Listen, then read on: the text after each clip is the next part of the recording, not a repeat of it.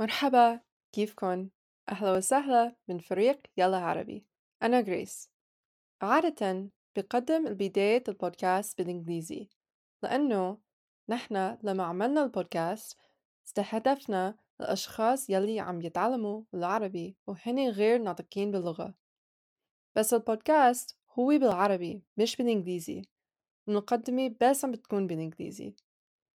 أنا عم بحكي الإنجليزي بالمقدمة لحدا يمكن ما بيعرف العربي مية بالمية لحتى خلال دقيقة واحدة بيعرف عن الشخص بالحلقة بشكل مختصر فخلينا نبلش Hi and welcome back to today's episode of Learn Arabic with Transit Station محطة عبور by Yalla Arabi.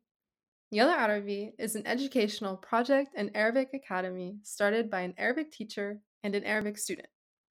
We created an original curriculum for learning Levantine Arabic for all levels, from zero to advanced. And we also offer other dialects and Fusha. So please don't hesitate to reach out to us if you're interested in taking classes. We are always welcoming new students from around the world to take classes online and in person at our locations in Beirut, Damascus, Cairo, Amman, Dubai, Berlin, and in the United States.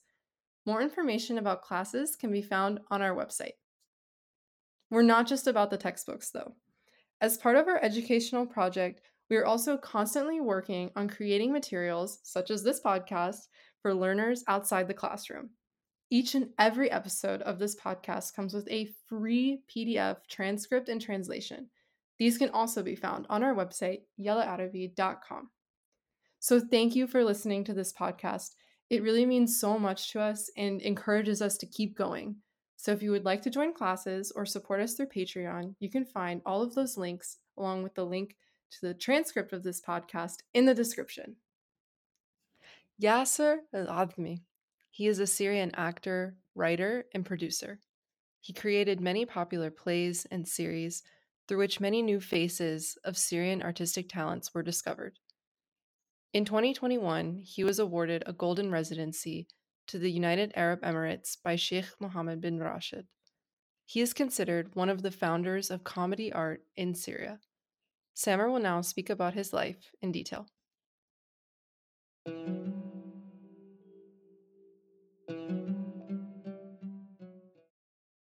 ياسر العظمي هو ممثل وكاتب ومنتج سوري. ولد ب 16 أيار عام 1942 وهو من عيلة دمشقية معروفة. التحق بكلية الآداب قسم الحقوق وتخرج منها.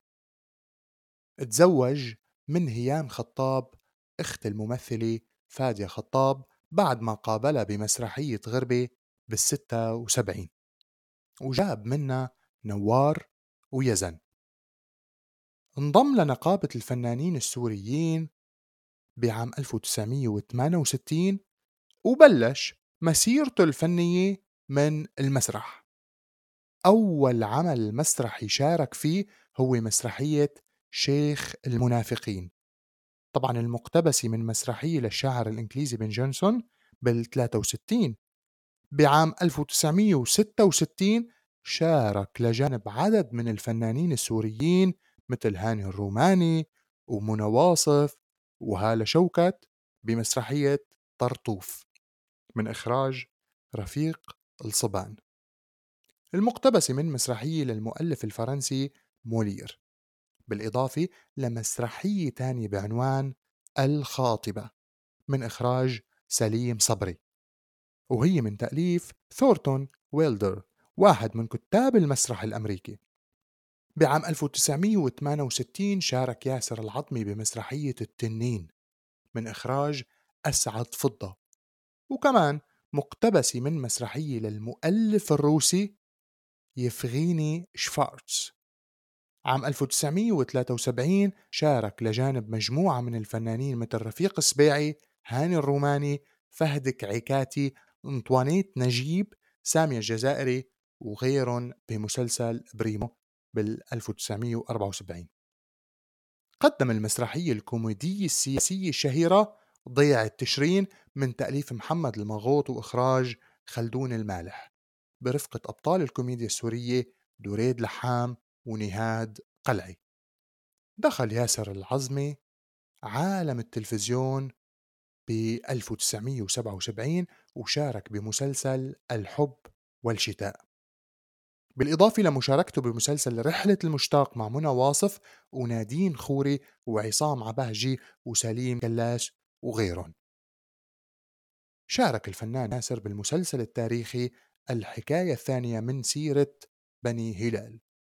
الأميرة الخضراء بال 78 بال 1980 شارك بمسلسلين بصمات على جدار الزمن من إخراج هيثم حقي ومسلسل أبو الخيل مع الممثلين أدهم الملا وفوزي بشارة وهاني الروماني وسحر فوزي. بال 1981 شارك بمسلسل تلفزيون المرح من إخراج هشام شربتجي. ومسلسل طبول الحرية من إخراج داوود شيخاني. بنفس العام بدأ ياسر العمل على مشروعه للمسلسل الاجتماعي الكوميدي مرايا. مع المخرج الكبير هشام شربتجي. وكان لياسر الفضل باكتشاف العديد من المواهب الفنية السورية والوجوه الجديدة من خلال المسلسل. ظهرت براعة الفنان ياسر العظمي الكوميدية وخبرته الكبيرة بالكوميديا بهذا المسلسل. المؤلف من 18 جزء واللي استمر بتقديم آخر جزء منه بال 2013 واللي تم تصوير الجزء الأخير منه بالجزائر بسبب الأزمة اللي عصفت بسوريا. بعيدا عن مسلسل مرايا شارك ياسر عام 2007 بمسلسل كوميدي اجتماعي اسمه رجل الأحلام من إخراج رشا شربتجي. أما على صعيد السينما فكان له تجربة وحيدة بفيلم الرجل الأخير. فاتني خبركن أنه ياسر العمي قدم برامج هادفة بالستينات مثل برنامج أبجد هوز اللي كان يهتم بتصحيح مفردات اللغة العربية واستخدامها بموقعها الصح. رجع الفنان ياسر لبلده سوريا بعد ما هديت الأوضاع بعد غياب ست سنين عنا مضاها مع عيلته بمصر والإمارات.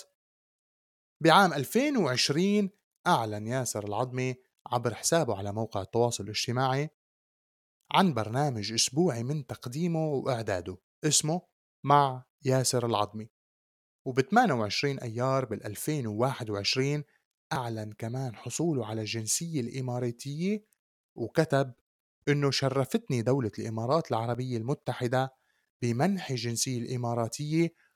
وبتشكر سمو الشيخ محمد بن راشد راعي الفنون والأداب والعلوم على هالمكرمة وقال كل التقدير لسموه لمنحه الإقامة الذهبية لكتير من الفنانين العرب والسوريين وتاحت لهم الفرصة العمل والإقامة بربوع الإمارات. حصل ياسر العظمي على تلت جوائز أو ثلاث جوائز ذهبية بمهرجان القاهرة لتميزه بأعماله الكوميدية وحصل كمان على جوائز تقديرية من نقابة الفنانين وعلى تكريم من مهرجان أبها للكوميديا الدولي بأول سنة للمهرجان. وأخيرا بيعتبر ياسر العظمي أو بيعتبر ياسر العظمي من مؤسسي الفن الكوميدي بسوريا لأنه اختص باللون الكوميدي النقد حصرا. ونال شهرة عربية واسعة من خلال السلسلة الكوميدية مرايا وصار من أكثر الكوميديين المحبوبين على مستوى الوطن العربي.